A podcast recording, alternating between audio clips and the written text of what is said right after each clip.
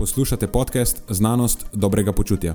To je oddaja, v kateri odkrivamo, kako lahko znanost pomaga izboljšati vaše počutje in kako kritično razmišljanje omogoča sprejemanje dobrih odločitev na področju zdravja in fitnesa.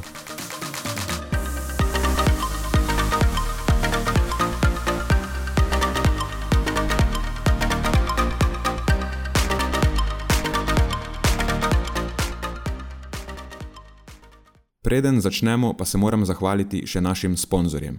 Zaenkrat to še vedno ni velika korporacija, temveč zvesti poslušalci, ki nam izkazujete zaupanje in podporo s prijavo v našo člansko skupino Znanost dobrega počutja. Hvala vsem, ki s tem držite luči prižgane in omogočate podkastu, da raste in postaja še bolj kakovosten. Hvala tudi vsem, ki nas podpirate s pozitivnimi komentarji in visokimi ocenami, ter s tem, da priporočate podcast svojim znancem in prijateljem. Zdaj pa je končno čas za začetek epizode. Uživajte ob poslušanju.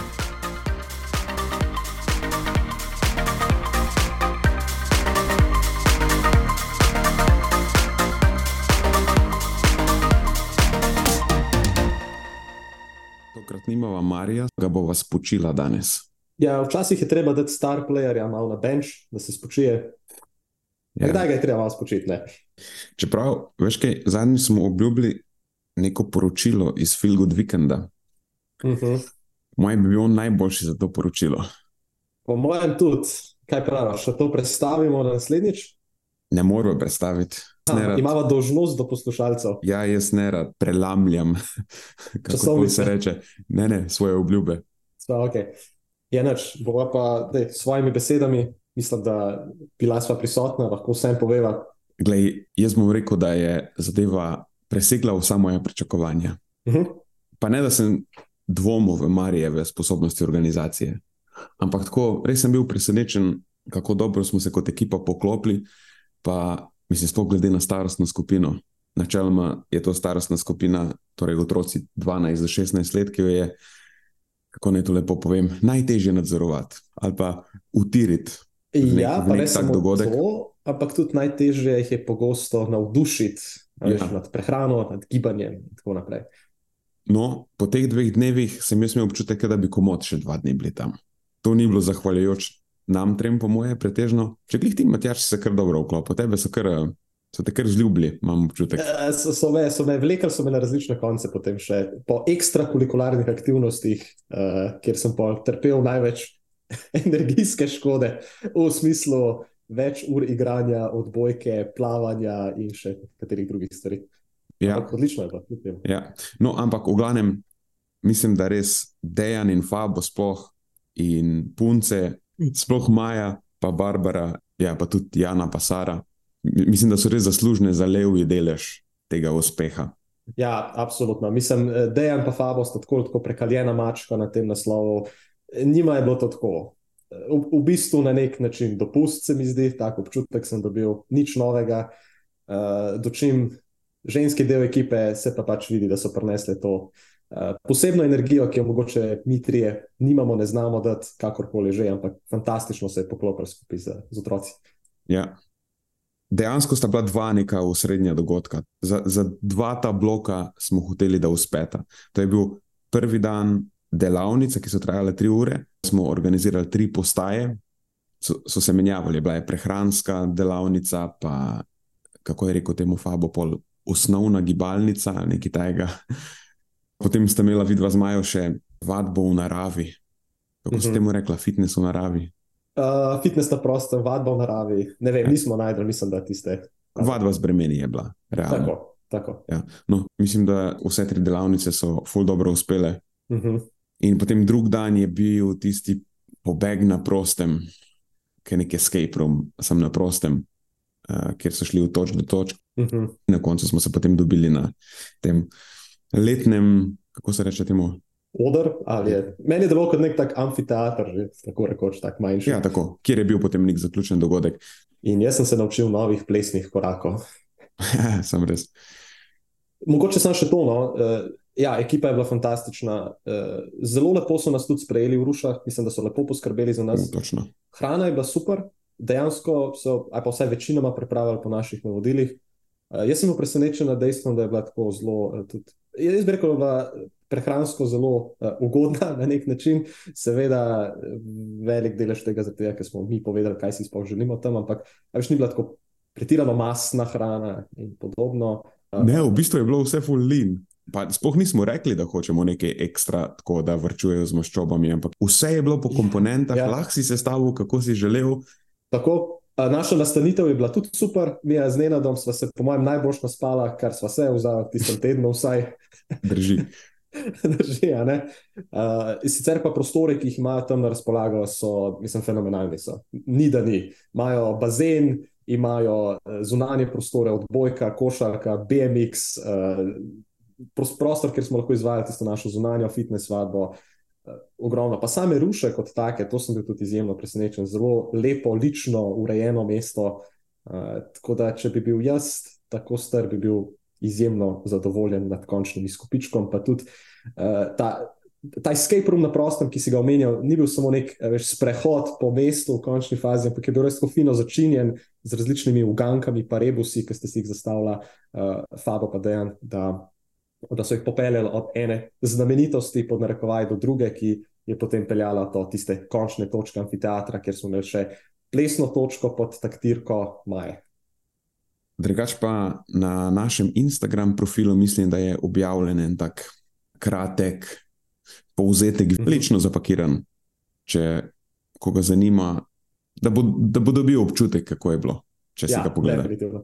Ta reel je, potem je pa še pod highlights, imamo pa shranjene vse storije, ki so bili takrat objavljeni. Eh, če hoče dobiti še, še malo boljši pogled, kot se lahko. Točno, malo daljša reportaža. Tako, tako da krajša, pa daljša reportaža. Oboje je super zabavno, po mojem, vredno ogleda. Okay. Mislim, da bo Marijo zadovoljen. Tako so, ja, ja. tako so upravila delo na mesto njega. Bo pa lahko naslednjič podal še svoj, svoj komentar. Absolutno. Ej, drugač, preden začneva, imam eno aktualnost. Uh mhm. -huh. To je zdaj na tej točki mogoče še tako ekskluzivna informacija. Obstaja verjetnost, da bo ta IRC pri Svetovni zdravstveni organizaciji, to je International Agency for Research on Cancer. Mislim, da so najbolj znani po tem, da različne stvari klasificirajo v različne skupine, glede na njihov karcinogeni potencial. Doskrat so že razburkali vode. In zna biti, da bodo v prihodnjih dneh ponovno razburkali vode, ker se govori, zaenkrat se samo govori, da bi lahko aspartam klasificirali kot potencijalni, potencijalni karcinogen. To bi v tem primeru spadalo v kategorijo possibly carcinogenic to humans. In veš, kaj bi se zgodilo? Ja, že vidim headline na vseh frontah. Da, tudi če, kaj v bistvu to pomeni, neč kaj dost. Drugač, mobilni telefoni so v tej kategoriji. Mislim, da je to enough said. Ampak predvidevam pa, da bo eh, mnogo medijskih hiš zagrabili to zadevo, pa jo prenapihnili na sto različnih načinov. Ja, tako da to je čisto preventivno. Stvari, ki se nahajajo v tej kategoriji, realno niso verjetno zelo problematične, če sploh kako.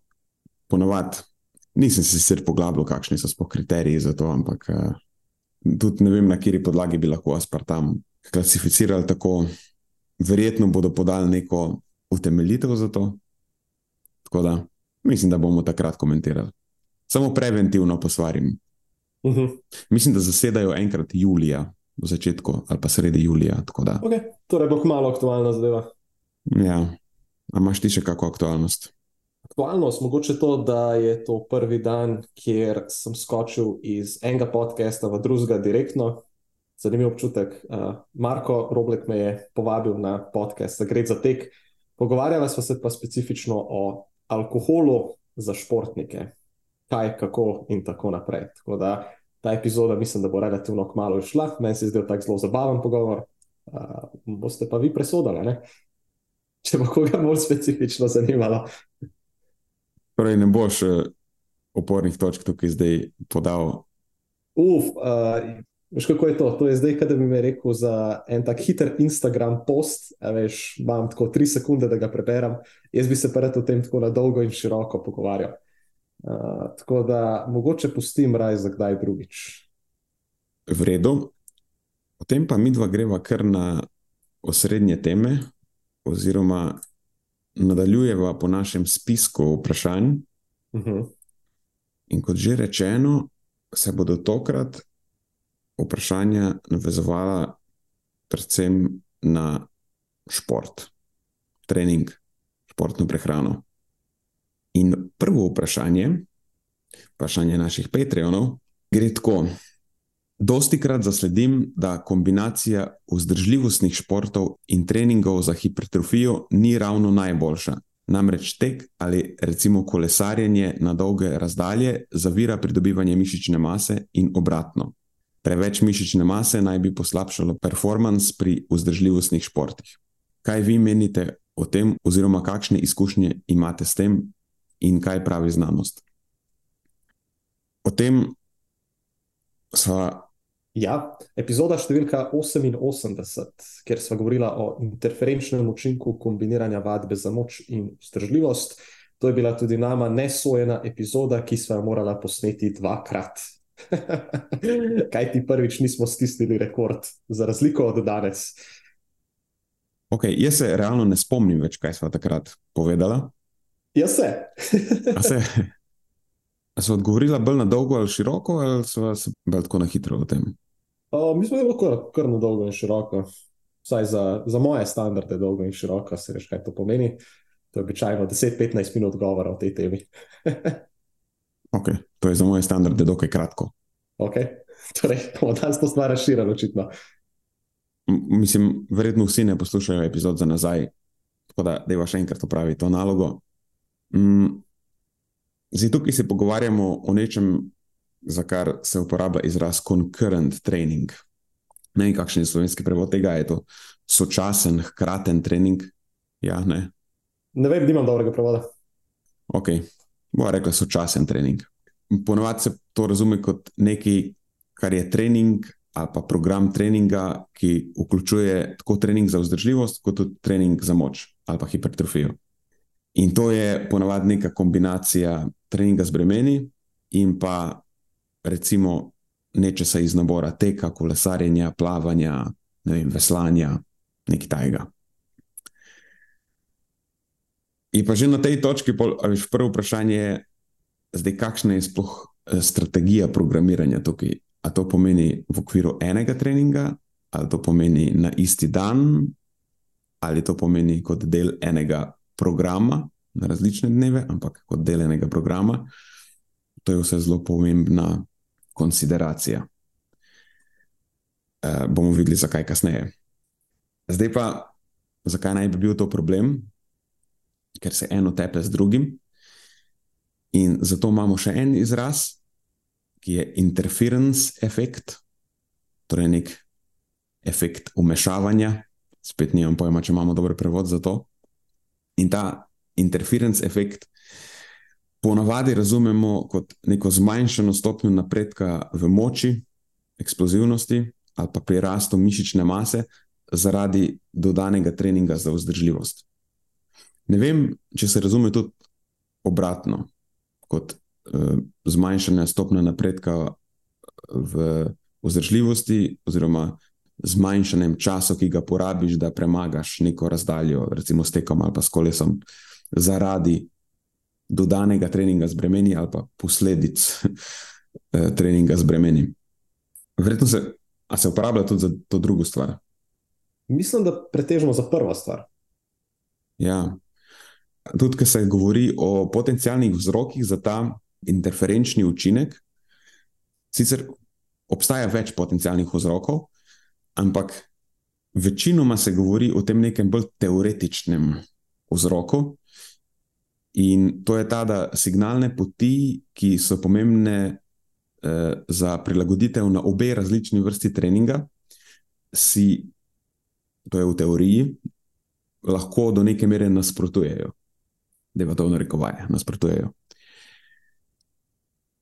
Ampak vprašanje je, če je to sploh signifikantno, In tudi, če je, je ver, verjetno problematično, bolj v primeru, če je tvoj glavni cilj hipertrofija.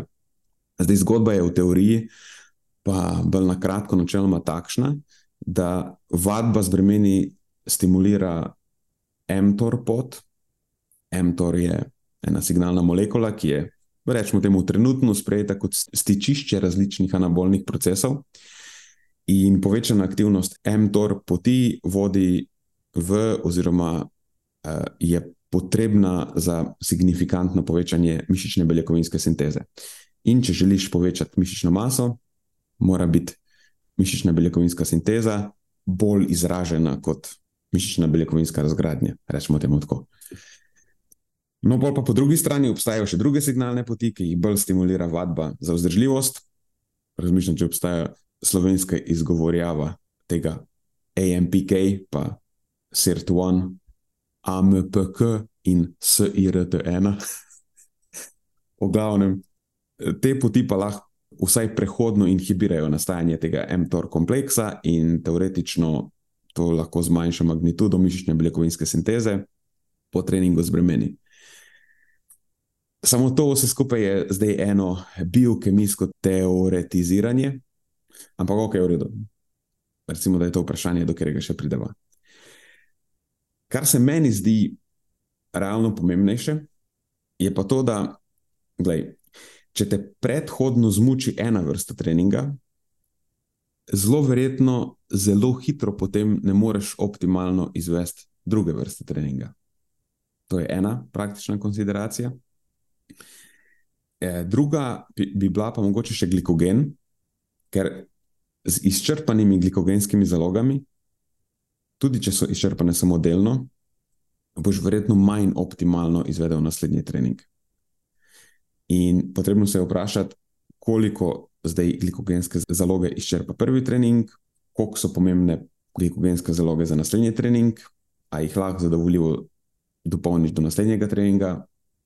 Ne, tukaj pa pol pridemo do nekih bolj uh, praktičnih vprašanj, ki se meni zdi, da so bolj pomembne kot uno teoretiziranje z biokemijskimi potmi. Ampak v vsakem primeru, zdaj mogoče si lahko predstavljamo nek scenarij, kjer obstaja verjetnost resnega in praktično relevantnega interferenčnega učinka. To bi bilo, recimo, če izvajaš nenormalne, v rekovajih, pač nenormalne količine treninga za vzdržljivost in treninga za moč, oziroma hipertrofijo, hkrati. Če imaš obe vrsti treninga zelo blizu, eno drugi, če recimo prvi trening hudo, hudo načne glikogenske zaloge, in je potem kakovost drugega treninga zelo odvisna od razpoložljivosti glikogena. Še ena stvar bi bila mogoče, če si zelo treniran, če si nek napreden treniranec na enem področju, ne, potem je kakovost treninga še posebno pomembna. Potem še, če slabo načrtuješ prehrano ali pa recimo počitek oziroma regeneracijo, ali pa če si recimo že izstresiran zaradi drugih stvari v življenju in potem to vpliva na, na regeneracijo. In zdaj neka kombinacija tega lahko da nek ekstremen primer, kjer bi ta interferenčni učinek lahko bil signifikanten. Mislim, to je že tako, vse za to ne rabiš nekih posebnih dokazov, to je že tako common sense. In to tudi ni nekaj, kar lahko greš preveriti z raziskavami. Zelo kompleksno vprašanje je. In dejansko, in dejansko je tako, ne moreš na podlagi literature glih dobro odgovoriti na to vprašanje, ker ena stvar, kot že rečeno, je vprašanje zelo kompleksno, in druga stvar je, da je v bistvu to področje sočasnega treninga zelo mlado. In tudi za neke najbolj osnovne stvari, v bistvu, nimamo zelo dobrih odgovorov. Dejansko na podlagi literature ne moremo podati zelo samozavestnih zaključkov, in lahko tako na podlagi nekih, nekega common sensa in recimo, anegdot, pa tistega malo, kar imamo, literature, lahko bolj učeno ugibava kot karkoli drugega. Mi imamo neke, recimo, zgodnje raziskave v 80-ih letih prejšnjega stoletja, ki so poročale o strašno signifikantnih učinkov. Eh, kaj je spohista klasična Higgsonova, ne? uh, Higgs, on, je nek, nek oče interferenčnega učinka. In tam je pač bil zelo signifikanten učinek. Sam to je problem, vedno, ko je področje zelo mlado, pa se ugotovijo učinki nečesa, tudi pri prehranskih dopolnilih, recimo, skozi je neko. No, ko se neko novo prehransko dopolnilo izkaže, da ima učinek, ponavadi je prva raziskava tako z močnim učinkom, in ni nujno, da je, ta, da je to realen učinek. Mogoče še ena stvar bi lahko dodala, te, te zgodnje klasične raziskave, recimo od Higgsona in podobno. Uh, kako točno se lotijo potem takih prvih raziskav? Je, če želijo najti interferenčni učinek, ponovadi naredijo te stvari v največjih ekstremih. Tako. Tako imajo nek izjemno naporen vzdržljivostni trening po izjemno naporni vadbi s premeni. In seveda tukaj nekaj zaznajo. Ampak mnogo krat te stvari se ne prenesejo dobro v prakso, ker spet s nekim common sense pristopom tega ljudje pač ne počnemo. Tudi če imamo više ambicije na obeh naslovih. Ja, načeloma, ko ustanavljaš, rečemo temu, ustanavljaš neko novo področje raziskovanja, greš v ekstrem. ja, narediš nek ekstrem, kjer obstaja velika verjetnost, da bo učinek zaznan, ampak vprašanje je, koliko je to praktično relevantno. Ker zadeva je taka, da z novejšimi raziskavami se teža dokazov vse močneje preveša k stališču, da je interferenčni učinek v večini primerov manjši problem, pa da ga je za večino aplikacij možno z večjega zajeziti, z nekim vsaj približno smiselnim uh, pristopom. Zdaj, na to je nakazovala že meta-analiza Petre in sodelavcev iz 2021 v Sports Medicine. Tam so ločili raziskave glede na treniranost oziroma status treniranosti, primerjajo so recimo trenirane ali netrenirane pa na časovno razporeditev različnih vrst treninga. To je, ali so obe izvajali hkrati, ali najprej eno in potem čez čas drugo. In tam so bili rezultati taki, da vsaj za razvoj moči ni bilo signifikantnih učinkov pri netreniranih posameznikov, ali pa če so trenirani posamezniki ločili obe vrsti treninga v dva ločena treninga, za nekaj ur med eh, obema. Eh, pa tudi za hipertrofijo pri netreniranih ni bilo signifikantnih učinkov, pri treniranih pa bi temu lahko rekli, da so bili kvečemu marginalni, če sta bili obe vrsti treninga ločeni. Da pa je eh, ta interferenčni učinek še manjša skrb, pa nakazuje novejša metaanaliza, Šuman eh, in sodelavci. Ne vem, če je bila istega leta ali eno leto kasneje. No, oni pa še dodatno umirjajo žogo. Oni so vključili raziskave, ki so imele program treninga, ki traja vsaj 4 tedne. Skupine so morale izvajati identične programe treninga z bremeni, in vsaj ena skupina je morala zraven izvajati še trening za vzdržljivost. Meriti so morale maksimalno moč, eksplozivnost in ali prirast mišične mase. In pa meritve so mogle biti specifične za način treninga z bremeni, ki so ga udeleženci izvajali. Pri Šumanu in sodelavcih je bilo vključenih več kot 40 raziskav, za vsako modaliteto jih je bilo več kot 15, mislim, da tudi več kot 1000 udeležencev, vse skupaj. In ugotovili so, da sočasen trening ni zmanjšal pridobivanje moči ali mišične mase. Je pa zmanjšal napredek v eksplozivnosti, v primerjavi samo z vadbo z bremeni. Po so izvedli še serijo dodatnih analiz, in tam se je pokazalo, da na pridobivanje moči ali pa mišične mase ni vplivalo niti tip treninga za vzdržljivost, če so recimo tekli ali pa kolesarili, niti število treningov za, za vzdržljivost na teden, niti treniranost odeležencev, ali so bili aktivni, ali so bili netrenirani.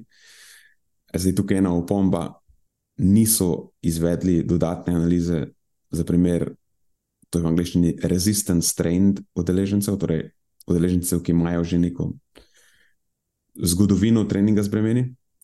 Uh, tako da tukaj se spet vračamo k tistemu ne, vprašanju, je, koliko si treniran. Zdaj, če si že zelo treniran, nek napreden treniranec, imaš neko nadpoprečno količino mišične mase, potem najbrž potrebuješ večji volumen treninga, bolj kakovostne treninge zbremeni, tako da tukaj je potem mogoče večja verjetnost za interferenčni učinek, ampak ne vemo. No, nadalje, pol ni vplivala niti starost udeležencev, a so bili med 18 in 40 let, a so bili več kot 40 let, pa ni vplivala časovna razporeditev obeh vrst treninga.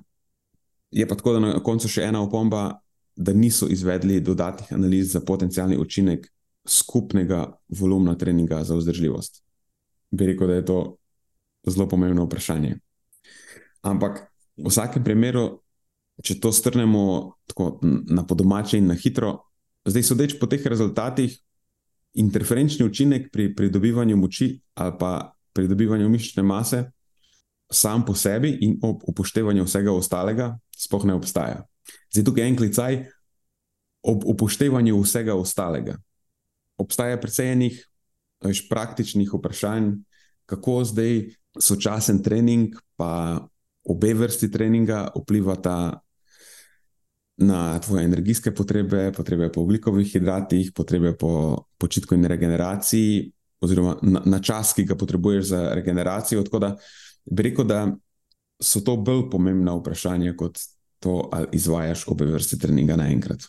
In verjetno ni to problem, da se ena vrsta treninga tepe z drugo, oziroma da bi obstajal nek interferenčni učinek, ki onemogoči adaptacije na neki molekularni ravni, ampak je v vseh praktičnih pogledih ta interferenčni učinek nekaj, kar si bolj ali pa manj pridelaš sam z nespretnim načrtovanjem treninga, prehrane, počitka ali pa menedžiranja stresa ali pa neko kombinacijo vsega skupaj.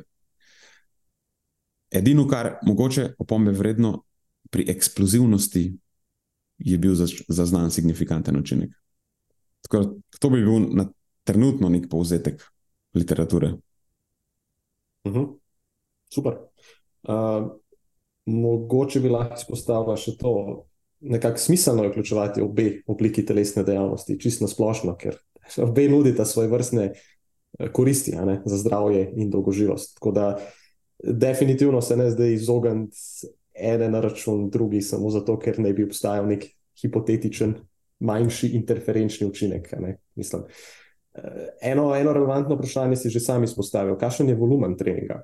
Ja, veš, če se zdaj pogovarjamo o nekom, ki trenira z bremeni dvakrat na teden, pa gre potem še parkrat teč na preostale dneve ali pa kolesariti ali karkoli. Je to res tak volumen vadbe, ki bi lahko bil problematičen? Nisem prepričan, skoraj zagotovo ne. Uh, pogovarjal si se, oziroma govoril si tudi o tem, kje ti aspekti uh, so najbolj nekako dovzetni, sprej eksplozivnost je nekako na samem vrhu, dočim maksimalna moč pa hipertrofija bistveno manj trpita in mislim, da sta ti zadnji dve stvari bolj pomembni za večino ljudi. Eksplozivnost nekako uh, po eni strani ni glih tako zelo omejujoč dejavnik našega dolgoročnega zdravja in dobrega počutja, gled, če pač nisi tako eksploziven, who cares, je pa zelo pomemben, kakšen delež puste mase imaš. Pa tudi na tem naslovu, če, lej, če si iz prakse, če pogledamo, imamo mnogo športnikov, ki so izjemno vzdržljivi, pa po drugi strani precej uh, hitri in eksplozivni. Veš, samo pogledaj, kakšne nogometaše, rokometaše, igralce, uh, košarke in podobno. Veš, po eni strani moraš biti zelo vzdržljiv, po drugi strani moraš pa presekati na določeno obdobje, skakati visoko, sprintati in tako naprej. Tako da, Veš, več kot očitno lahko tudi ti visoko trenirani posamezniki dosežejo zelo visoko stopnjo na vseh naslovih. Če, mislim, da preko tega za nas, navadne smrtnike, to res spet ni to. Uh, in pa še ena stvar, uh, sam nek pač, veš, zdravorazumski, um, zdravorazumska razporeditev tega treninga. Seveda ne boš upravljal nekega izjemno napornega treninga za vzdržljivost, takoj po izjemno napornem treningu za moč in vice versa. Če pa že, pa mislim, da so neka ta praktična priporočila vsaj taka, da probaš razdeliti ti, ti dve, ta dva treninga idealno na različne dneve, ali pa če se upravlja znotraj istega dneva, da so ločeni za vsaj 3 do 6 ur. In jaz sem prepričan, da to ni glih zaradi teh nekih hipotetičnih biokemičnih signalizacijskih poti, ampak predvsem zato, ker se lahko v tem času malo bolj nahraniš. Zapolniš glikogenske rezerve in potem dejansko upraviš ta drugi trening tudi kvalitetno. Dočim, če greš iz enega v drugega, Eh, z tri četrt praznim tankom goriva, ga boš seveda za en drek upravil. Tako čist, nek sens. Drugač pa v določenih kontekstih je bilo celo pokazano, da je prirast mišične mase boljši z sočasnim treningom. Spok, ko govorimo o vplivu na mišice spodnjega dela telesa. Če uh mhm. -huh. treniraš z bremeni za spodnji del telesa, pa zraven imaš še nek, neko, neko vadbo za vzdržljivost, za spodnji del telesa, je lahko dejansko prirast mišične mase večji, uh -huh. kot če samo treniraš z bremeni. Ne pravim, da je to nek univerzalni učinek, ampak sej, že samo če razmišljaš, na kakšen način, pa kera mišična vlakna rekrutira uh -huh. ena pa mhm. druga vrsta treninga, pa kaj je pomembno za adaptacijo. Na nek način ima celo smisel. Ma, ma. Ena je rekrutacija različnih mišičnih vlaken, druga je pa to. Se že za vadbo za moč je fajn imeti vsak neko tako, veš, osnoven nivo aerobne pripravljenosti. Sicer opraviš en trening za moč z zelo majhnim volumnom treninga, ker te že ena serija težkih počepov tako nadiha, da rabiš 10 minut, da k sebi prideš. o, vprašanje tvoje kardiovaskularne pripravljenosti. Tako, točno to. Tako da v tisti epizodi ne si ti skoval eno, en, bi, en slogan, si skoval. Ki ga nismo uporabljali, se mi zdi, precej pogosto. In to je kviht in kolovo vsak dom. A tam je nastal ta slogan? Tam je nastal ta slogan. Ja. Okay. Obstajajo neka tako zelo splošna, pa common sense, kar priporočila, kako se lahko izogneš interferenčnemu učinku. Na prvi točki je že vprašanje, sploh, zakaj sploh treniraš. Vemo, da ja, obstaja neka tudi specifičnost treninga. Kaj je, kaj je zdaj tvoj cilj? A je tvoj cilj neko generalno zdravje, ali imaš nek zelo specifičen cilj, da želiš hitreje preteči, ne vem, maraton, da hočeš imeti res hud počep, ali hočeš imeti ful široka ramena, ali hočeš dodati 20 centi skoka v višino. Mislim, da za vse razen tega skoka v višino se, se ne rabiš sekirati. Zdaj, če sta tvoj cilj moč ali pa hipertrofija, razen v nekih ekstremih, je, je verjetno čist no-nišu. Če je tvoj, tvoj cilj vzdržljivost na neke res dolge razdalje, kaj pa vem, pol mogoče Mogoče boš pač mogel biti malo bolj na tej uh, trglica strani, pa boš mogoče nečist pragmatično mogel žrtvovati kaj, kaj mišične mase. Zdaj, če je tvoj glavni cilj skok v višino ali pa daljino, v, v daljino, da v tem tekmuješ, pol je mogoče tudi smiselno razmisliti o tem, koliko kardio treninga izvajaš. Ampak verjetno večina ljudi ne pade v nobeno od teh kategorij, kjer bi se bilo smiselno full stresirati zaradi interferenčnega učinka. Tako da tukaj so bolj pač ta praktična vprašanja, ne, kjer se vprašaš o intenziteti, volumnu, tajmingu, prehrani, počitku in regeneraciji. Prva stvar je zihar vnos energije in vnos oglikovih hidratov. Če izvajaš več treninga, valjda imaš više energijske potrebe in jih moš ustrezno nadomestiti. Ker nezadosten vnos energije bo vplival negativno na adaptacije, neodvisno od tega, kakšne vrste treninga izvajaš. In pa je tu še vnos oglikovih hidratov, ki je pomemben, to je dovolj oglikovih hidratov, pa ustrezna izbira oglikovih hidratov. Sploh, če obe vrsti treninga izvajaš na isti dan, a pa če ena sledi malo po drugi, verjetno bo potem tudi izbira virov oglikovih hidratov pomembna. Zdaj, kar se pa tiče sam, samega števila teh kardio treningov, kaj bi bilo neko tako splošno priporočilo? Recimo dva do tri težje kardio treninge na teden, če je primarni cilj moč ali pa hipertrofija, ali pa neko eh, oblikovanje telesa, temu bolj poljudno rečemo. Mislim, verjamem, da če izvajaš vsak dan naporen kardio trening, pa omešaš potem neke eh, treninge z bremeni, da treningi z bremeni lahko na ta račun trpijo, vsaj do neke mere. In pa nek, nek uh, ustrezen časovni razmak med obema vrstama treninga, a bi rekel, vsaj tri, idealno šest uh mhm. -huh. ali več. Mislim, da je tri do šest ur bo zdaj izpostavljeno, ampak spet na podlagi zelo, zelo omejene literature. Predvidevam, da več kot je, najbrž je boljše. Ja, ja bi rekel. Pa, a manj zaporedje nek vpliv. A je smisel najbolj, najprej izvajati vadbo z bremeni, pa pol vadbo za vzdržljivost. Spet težko bi podala neko zelo konkretno priporočilo, ampak če učeno ugibava, je mogoče malo bolj smiselno najprej izvesti trening z bremeni, pa pol vadbo za vzdržljivost. Tako. Najbrž je pa tukaj spet vreden razmislek v točki ena, kaj so sploh tvoji cilji. Je, če so pretežno na svetu vzdržljivosti, pa bi jaz dal najbrž preferenco tistemu, kar mi je bolj pomembno v tisti točki, uh, in potem nadaljeval s tistim, kar je očitno manj pomembno. Tako. In pa pol zadnja stvar, če več treniraš, pač moš tudi dobro se naspati. Uh Mhm. -huh. Se vprašati, kakšno je tvoje breme nekih eh, psihogenih stresorjev. A veš, če polniš to vedro stresa na različne načine, pol mogoče pogosto dodajanje različnih modalitet treninga ni najbolj smiselno. Ja, tako je. Ok, a so, a so upravila nalogo boljše kot zadnjič, ti se spomniš? Mislim, da, mislim, da so dodala še par, še nekaj konteksta znotraj vsega. Da so bila bolj temeljita. Tako, predvsem pa je velik plus to, da nismo pozabili stisniti rekord. drži, drži. Ok, imamo čas še za eno vprašanje. Definitivno, let's do it. In vprašanje gre tako.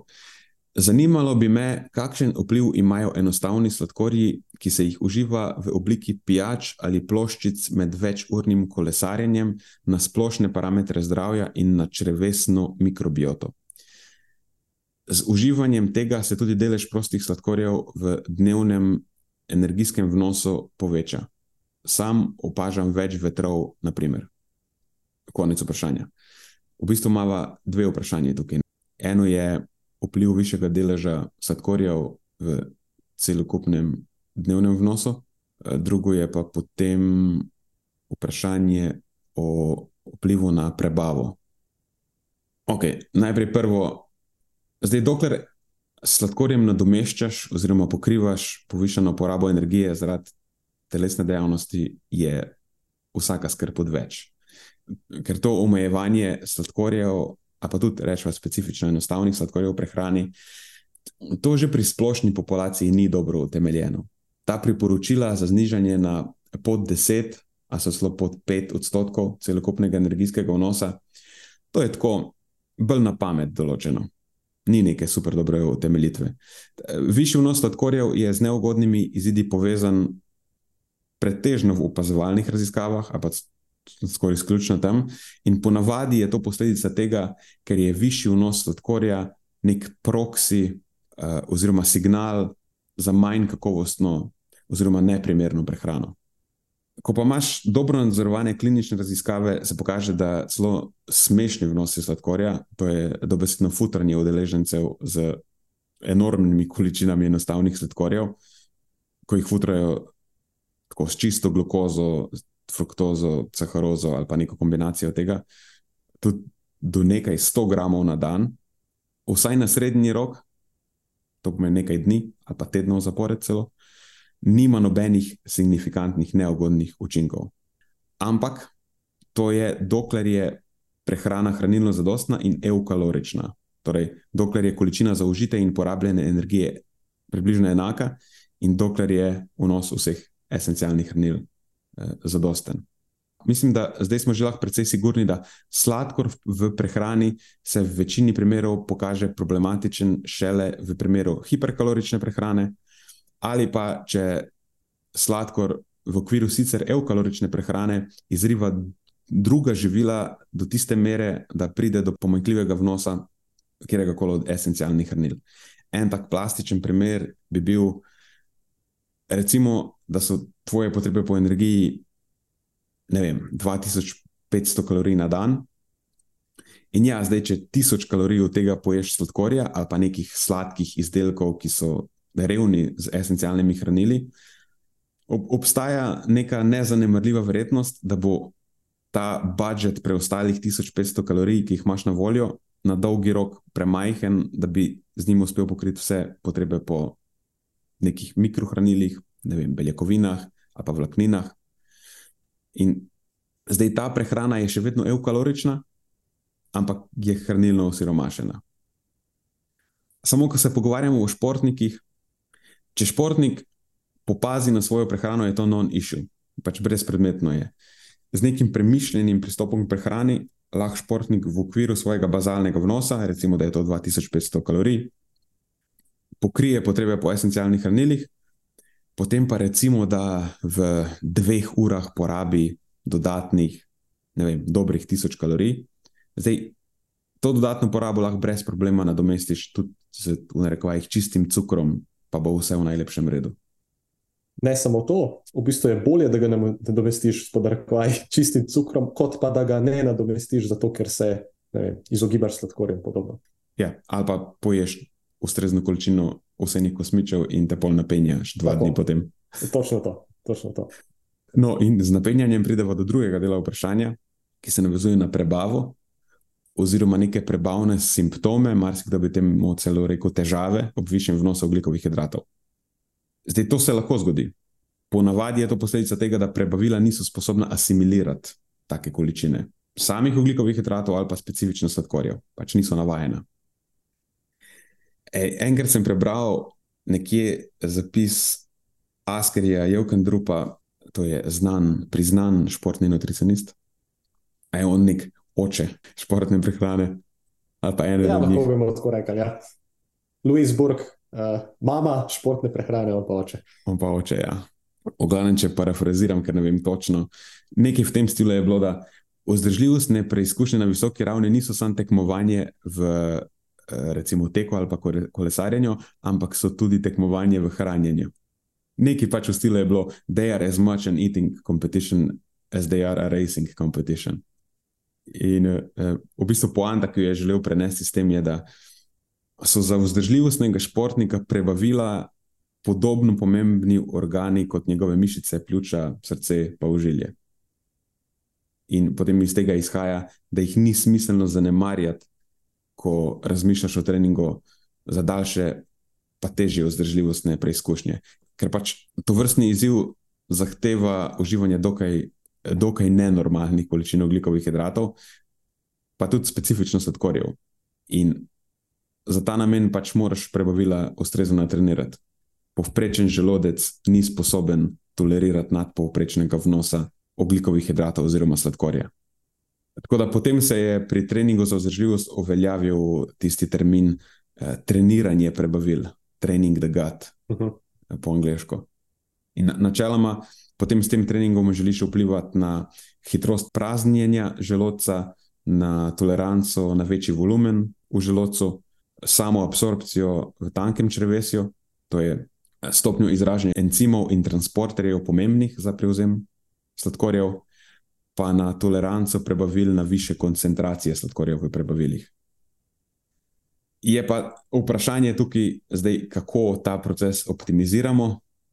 Odgovor je, da nihče ne ve, ker ni nekih dobrih dokazov, da bi lahko podal neka samozavestna priporočila. In zaenkrat lahko več ali manj spet učeno ugibamo o najbolj smiselnih priporočilih. Uporabljaš ti kakšne? Da, gut training. Ja.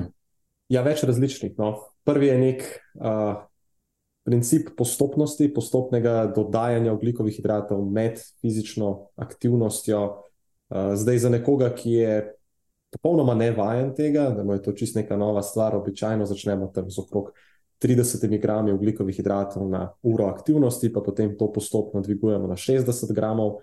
Uh, običajno že tle v štartu uporabljamo mešane vire, ker vidim, da jih lažje tolerirajo ljudje, v smislu glukoza plus fruktoza, ampak ni pa temu nujno tako. Uh, In pa potrebno je biti dosleden na tem naslovu, to večkrat storiti na tedenski bazi, in pa biti precej, um, vzeti si čas za to. No? Tudi recimo v raziskavah opazimo, da ta stvar postane, oziroma da recimo, postanemo malce boljši v toleriranju višjega vnosa oglikovih hidratov.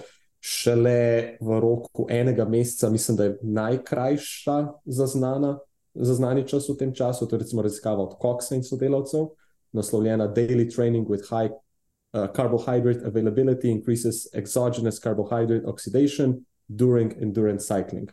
Ampak tako iskreno, si iz praktičnega vidika, pa opazimo, da, pa vsaj jaz opažam, da ta stvar traja še precej dlje kot to. No? Kak mesec do dva meseca časa. Um, in potem to številko postopno povišujemo, vse do tiste mere, ki je primerna za posameznika. In tako smo v nekaterih primerih prišli do tega, da tako kot uh, recimo je v vprašanju bilo naslovljeno, da se Eh, srečuje s težavami z napenjanjem in podobno. To je v štartu zelo, zelo normalno. Napenjanje, težek želodec, uh, pogostejši obisk toalete, tudi med fizično aktivnostjo, do tega, da lahko nekdo tolerira tudi 90 gramov ugljikovih hidratov na uro iz mešanih virov. Ne, recimo, naša varovanka Saša bi bila tipičen primer tega. Nekdo, ki v štartu absolutno ni mogel ničesar tolerirati, tudi v manjših količinah ne. do tega, da lahko zdaj na triatlonu dodajemo precej visoke količine ugljikovih hidratov, brez kakršnih koli težav, dočim vpliv na zmogljivost je pa zelo velik. Tako da, če nekdo opaža take težave v startu, naj se ne ustraši, zato ker je to normalno in je prehodno, samo potrebno je biti ustrajen pri tem in dosleden pri tem, da se to dogaja.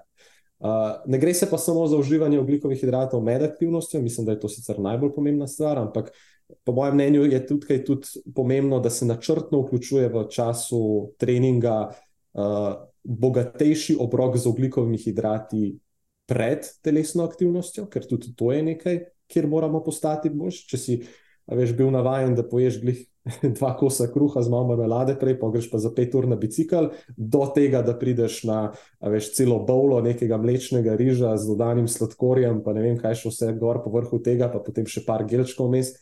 Uh, ja, to pa v startu, seveda, ne bo ravno najbolj ugodno, ampak skozi čas pa postaneš boljši. Tako da, predvsem to, uh, začnemo zmerno, dodajamo postopno ugljikove hidrate med fizično aktivnostjo, pa poskušamo bolj obogatiti obrok z ugljikovimi hidrati pred fizično aktivnostjo. In sčasoma pridemo do tega, da um, lahko žele, želodec že uh, začetkom aktivnosti lahko uh, bolje tolerira večjo količino, večji volumen hrane v želodcu. Uh, in do tega, da lahko seveda bolje sprocesira oziroma izkoristi te ugljikove hidrate med fizično aktivnostjo. To so, po mojem, glavni strategiji. No? Vprašanje je že samo časovno, kako hitro se adaptacija lahko zgodi, ne bo iz danes na jutri. Ta čas je najbolj odvisen tudi od tega, kako redno to izvajaš. Zdaj, če mhm. vsak dan, če je visok vnos ugljikovih hidratov, pa sladkorjev, dokaj reden, tudi v tem primeru, najbrž kak mesec dni, Zdaj, če pa to delaš z občasno visokim vnosom, recimo, da ne vem, samo enkrat ali pa dvakrat na teden podpreš nek bolj naporen trening, bo verjetno trajalo dlje. Uh mhm. -huh. To si pa rekel dva meseca, recimo. recimo ja. Vsaj. Mislim, da sem nekje zasledil neko priporočilo. Morda je celo Askerjevo, da je 5 do 10 tednov. Ja, tudi meni je ta v spominu 5 do 10 tednov. Tako da se to bi nekako, kot tok so upadali tudi z našimi opažanji, za ja. dva meseca. Naslednja stvar je pa da je dobro razmisliti tudi. Omenil si različne metode, verjetno zato, ker zadaneš različne poti adaptacije prebavilne. Uh -huh. Prva stvar je bila ta, da stopnjuješ višji vnos, da začneš recimo s 30, pa potem odvisno, koliko boš potreboval, oziroma kam ciljaš, recimo 60, 90, nad 60, ker obstaja nek strop za prevzem glukoze, sicer zaenkrat, predvsem teoretično, ampak ja, tu nekje je okoli 60 gramov da potem, če greš na 90, razmišlj, razmišljaš tudi, mogoče že pred tem, da razmišljaš o različnih virih, spoh fruktozi in glukozi, ki uporabljate različne transporterje. Je pa potem vprašanje, če rabiš še več, 90, ne vem, lahko probiš 120, pa vidiš, kaj se zgodi. Lahko. Jaz sicer sem mnenja, da za večino ljudi to absolutno ne bo nujno potrebno. Ta številka 90 je v praksi ni tako zelo lahko izvedljiva, najbrž tudi sam veš, ne da. Ne? Ja. Uh, tako da, po mojem mnenju, že, če, si, če se dobro, ustrezno nahraniš pred tem, pa potem ciljaš na neko tako smotrno količino vmes, si kar dober. Ja, tako da s tem ciljaš predvsem na encime in transporterje oziroma njihovo izražanje. Po je pa tudi vprašanje samega obdobja z višjimi količinami. In ena stvar, ki si omenil, je to, da treniraš takoj po obroku, ki je mhm. malo večji. Zdaj, če si bil prej vajen na manjše obroke, da pač imaš nek večji obrok, pa greš kmalo potem na trening, verjetno se tudi to do neke mere lahko natrenira. Kaj pa recimo to, da namenoma treniraš z večjim volumnom tekočine v želodcu? Uh mhm. -huh. Ker spoh, če uporabljaš neke tekoče vire ugljikovih hidratov, verjetno takrat, ki jih boš mogel zaužiti več, bo to avtomatsko večji volumen tekočine v želodcu. Ja, uh, definitivno tudi to tudi, tudi to se izpostavlja kot ena izmed teh strategij. Jaz jo sicer uporabljam kot opcijo C, bom te rekel, da imam preferenco prvima dvema točkama, uh, ampak vseeno je tudi to pomembno, še posebej, če je namen delati neke daljše preizkušnje v zunaj, na večji temperaturi, večja vročina, več švicanja, večji vnos tekočine. Tleh imam nekako občutek, da so ljudje, ko pridejo, tudi če imajo take težave predhodno, da so vse dokaj navadni da to ni njihovo osko grlo. No? Vse so navajeni, recimo, piti tekočino med telesno dejavnostjo in to tudi v večjih količinah. Zdaj, če dodamo pa še ugljikove hidrate po vrhu, um, to je tisti element, ki jih pa potem zmoti pod narekovaj, ker niso navajeni ne te tekočine, volumna tekočine, ampak bolj kaj pride skupaj s tem volumnom tekočine. Uh, in še posebej ta res uh, večji obroki tik pred fizično aktivnostjo. Ker to pa opažam pri mnogih, da jim dela ogromne težave, sploh v štartu in se kar malo ustrašijo, prvič, ko to provamo. Ker jim dam tako prav kot domačo nalogo. Veš, to bo zdaj za nalaž vključila, sicer za nek trening, ki se nam ne zdi tako super, duper pomemben, zagotovo ne za tekmo v štartu, ampak ne treniramo pa zato, da bom prišel do tega, do tekme. Mm -hmm. Ej, zdaj se spomnim. To je čisto praktično. Ker teoretično bi ja, bilo najlažje uživati sladkorje. Ampak povem ti, da po treh urah, uh mhm. -huh. ko si jedel samo cukor, se ti tako začne bruhati. Ja. Se ti začne bruhati, domislimo dodaten cukor in je samo tako. Ej, ja, lahko prosim poimen sendvič ali nekaj takega. Ja, ja, ja. In zdaj, če nisi navajen med, med napornim treningom trde hrane v želodcu, bi verjetno lahko bil tudi to problem. Ja, definitivno. ena, ena anekdota. Na, na, na prejšnjem dopustu smo šla s kolegom kolesariti in ja, tako cca treh urah, ne, smo se pač ustavili tam. Eh, in je bil že čas, da ta sladkor malo presekava z nečim drugim. In veš, za njega je to pomenilo samo en, en kos sadja, ker reko, več kot to res veš, ne toleriram dobro, ne, ne sedem v želodec. Jaz sem tistih par sendvičev vrgel vase, kada ni bilo nič. Ampak zato, ker sem navaden na to, ne? prakticiram to relativno pogosto in, in mi ni problem. Si pa predstavljam, da za njim v tisti situaciji bi mogoče bilo takrat akutno to malo nelagodno, da bi to storil, ampak ok.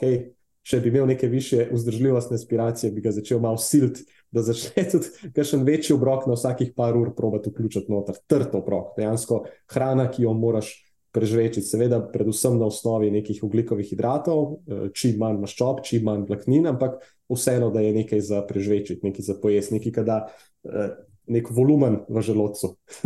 mm. Ok, če strnemo to, v bistvu vprašanje vpliva na zdravje. Če popaziš na prehrano, na stvari, ki so jih prej omenila, je tako, ni nekaj, zaradi česar te mora skrbeti. Kar se tiče mikrobiote, tudi tukaj mislim, da, mislim, da lahko to povsem izpustimo. Da, z, z, zdrav posameznik se ne rabi ukvarjati s svojo mikrobioto. Sploh. Je pa čist praktično vprašanje, kako bo to vplivalo na tvoje dobro počutje. Torej, kako zmanjšati prebavne simptome, ker če kar naenkrat povečaš vnos oglikovih hidratov, ali pa če uporabljaš neke vire, na kere nisi navaden, to vsekakor lahko potem sproži prebavne simptome. Uh mhm. -huh. Mogoče tudi pozor na izbiro samih izdelkov, ki se uporabljajo. Ker nekateri izmed teh izdelkov, ki so na trgu, pač veš, vsebujejo še kaj drugega zraven, kar ni glih najbolj ugodno. Tudi če je to kakšna energijska ploščica, pa, pa je polna poliolov ali kakih vlaknin, to, to ni glih tisto, kar bi jaz ciljil no, v tisti fazi. Ne bo ja. to bolj enostaven cukor, po domač povedano. Je pa na koncu tako, da glej, v vsakem primeru najbrž bo višji vnos prinesel neko spremembo. Ker ne moreš pričakovati, da zdaj bo tvoja prebava popolnoma enaka v višjem vnosu, kot je bila prej. Če opaziš malenkost napenjanja, je najbrž to čisto normalna posledica. Nek delež oglikovih hidratov tako ali tako uide prebavi. V vsakem primeru. Če je absoluten vnos višji, bo verjetno količina, ki je prispela v debelo črvo, nekoliko višja. Uh mhm. -huh. Tukaj govorimo o tem, kako to zaeziti do te mere, kjer to ne vpliva več na tvoj performance ne vidim scenarija, kako lahko tvoja prebava funkcionira isto ob, rečemo, temu dokaj normalnem, pa ob nekem zelo visokem vnosu oglikovih hidratov. Tako da to je pač normalna sprememba, ne pomeni nič slabega. Uh mhm. -huh. Ja, to, točno to. Ne, ne nakazuje na slabo mikrobioto, kar ja, res ja. skrbi. Ja, tako kot si rekel, tudi zelo pomembna točka. Sej, za večino tudi ne bo cilj, da pridejo zdaj iz nič na 60, 90 ali več gramov oglikovih hidratov na uro, sploh ne, ampak veš, vsaj nekaj, ker karkoli bo imelo pozitiven vpliv. In to pa mislim, da je v domeni vsakogar, da lahko relativno hitro usvoji, če le začne prakticirati na tem naslovu in ja. ostane dosleden. Še ena smiselna strategija je mogoče, da, da simuliraš načrt prehrane, ki ga imaš pripravljenega za, za tekmo. Če ti je rezultat na tekmi pomemben, da ne greš na tekmi prvič testirati svojega načrta prehrane, ampak da mogoče celo si neko kvazi tekmo pripraviš. Ne, to, je, to je super strategija, to, to je fantastična strategija. Na dan tekme mora biti vse samo še rutina, takrat ni več eksperimentiranja. Ok, mislim, da so bila tudi tukaj temeljita. Okay. Bolj, bolj, bolj kot smo nameravali biti. Se strinjam.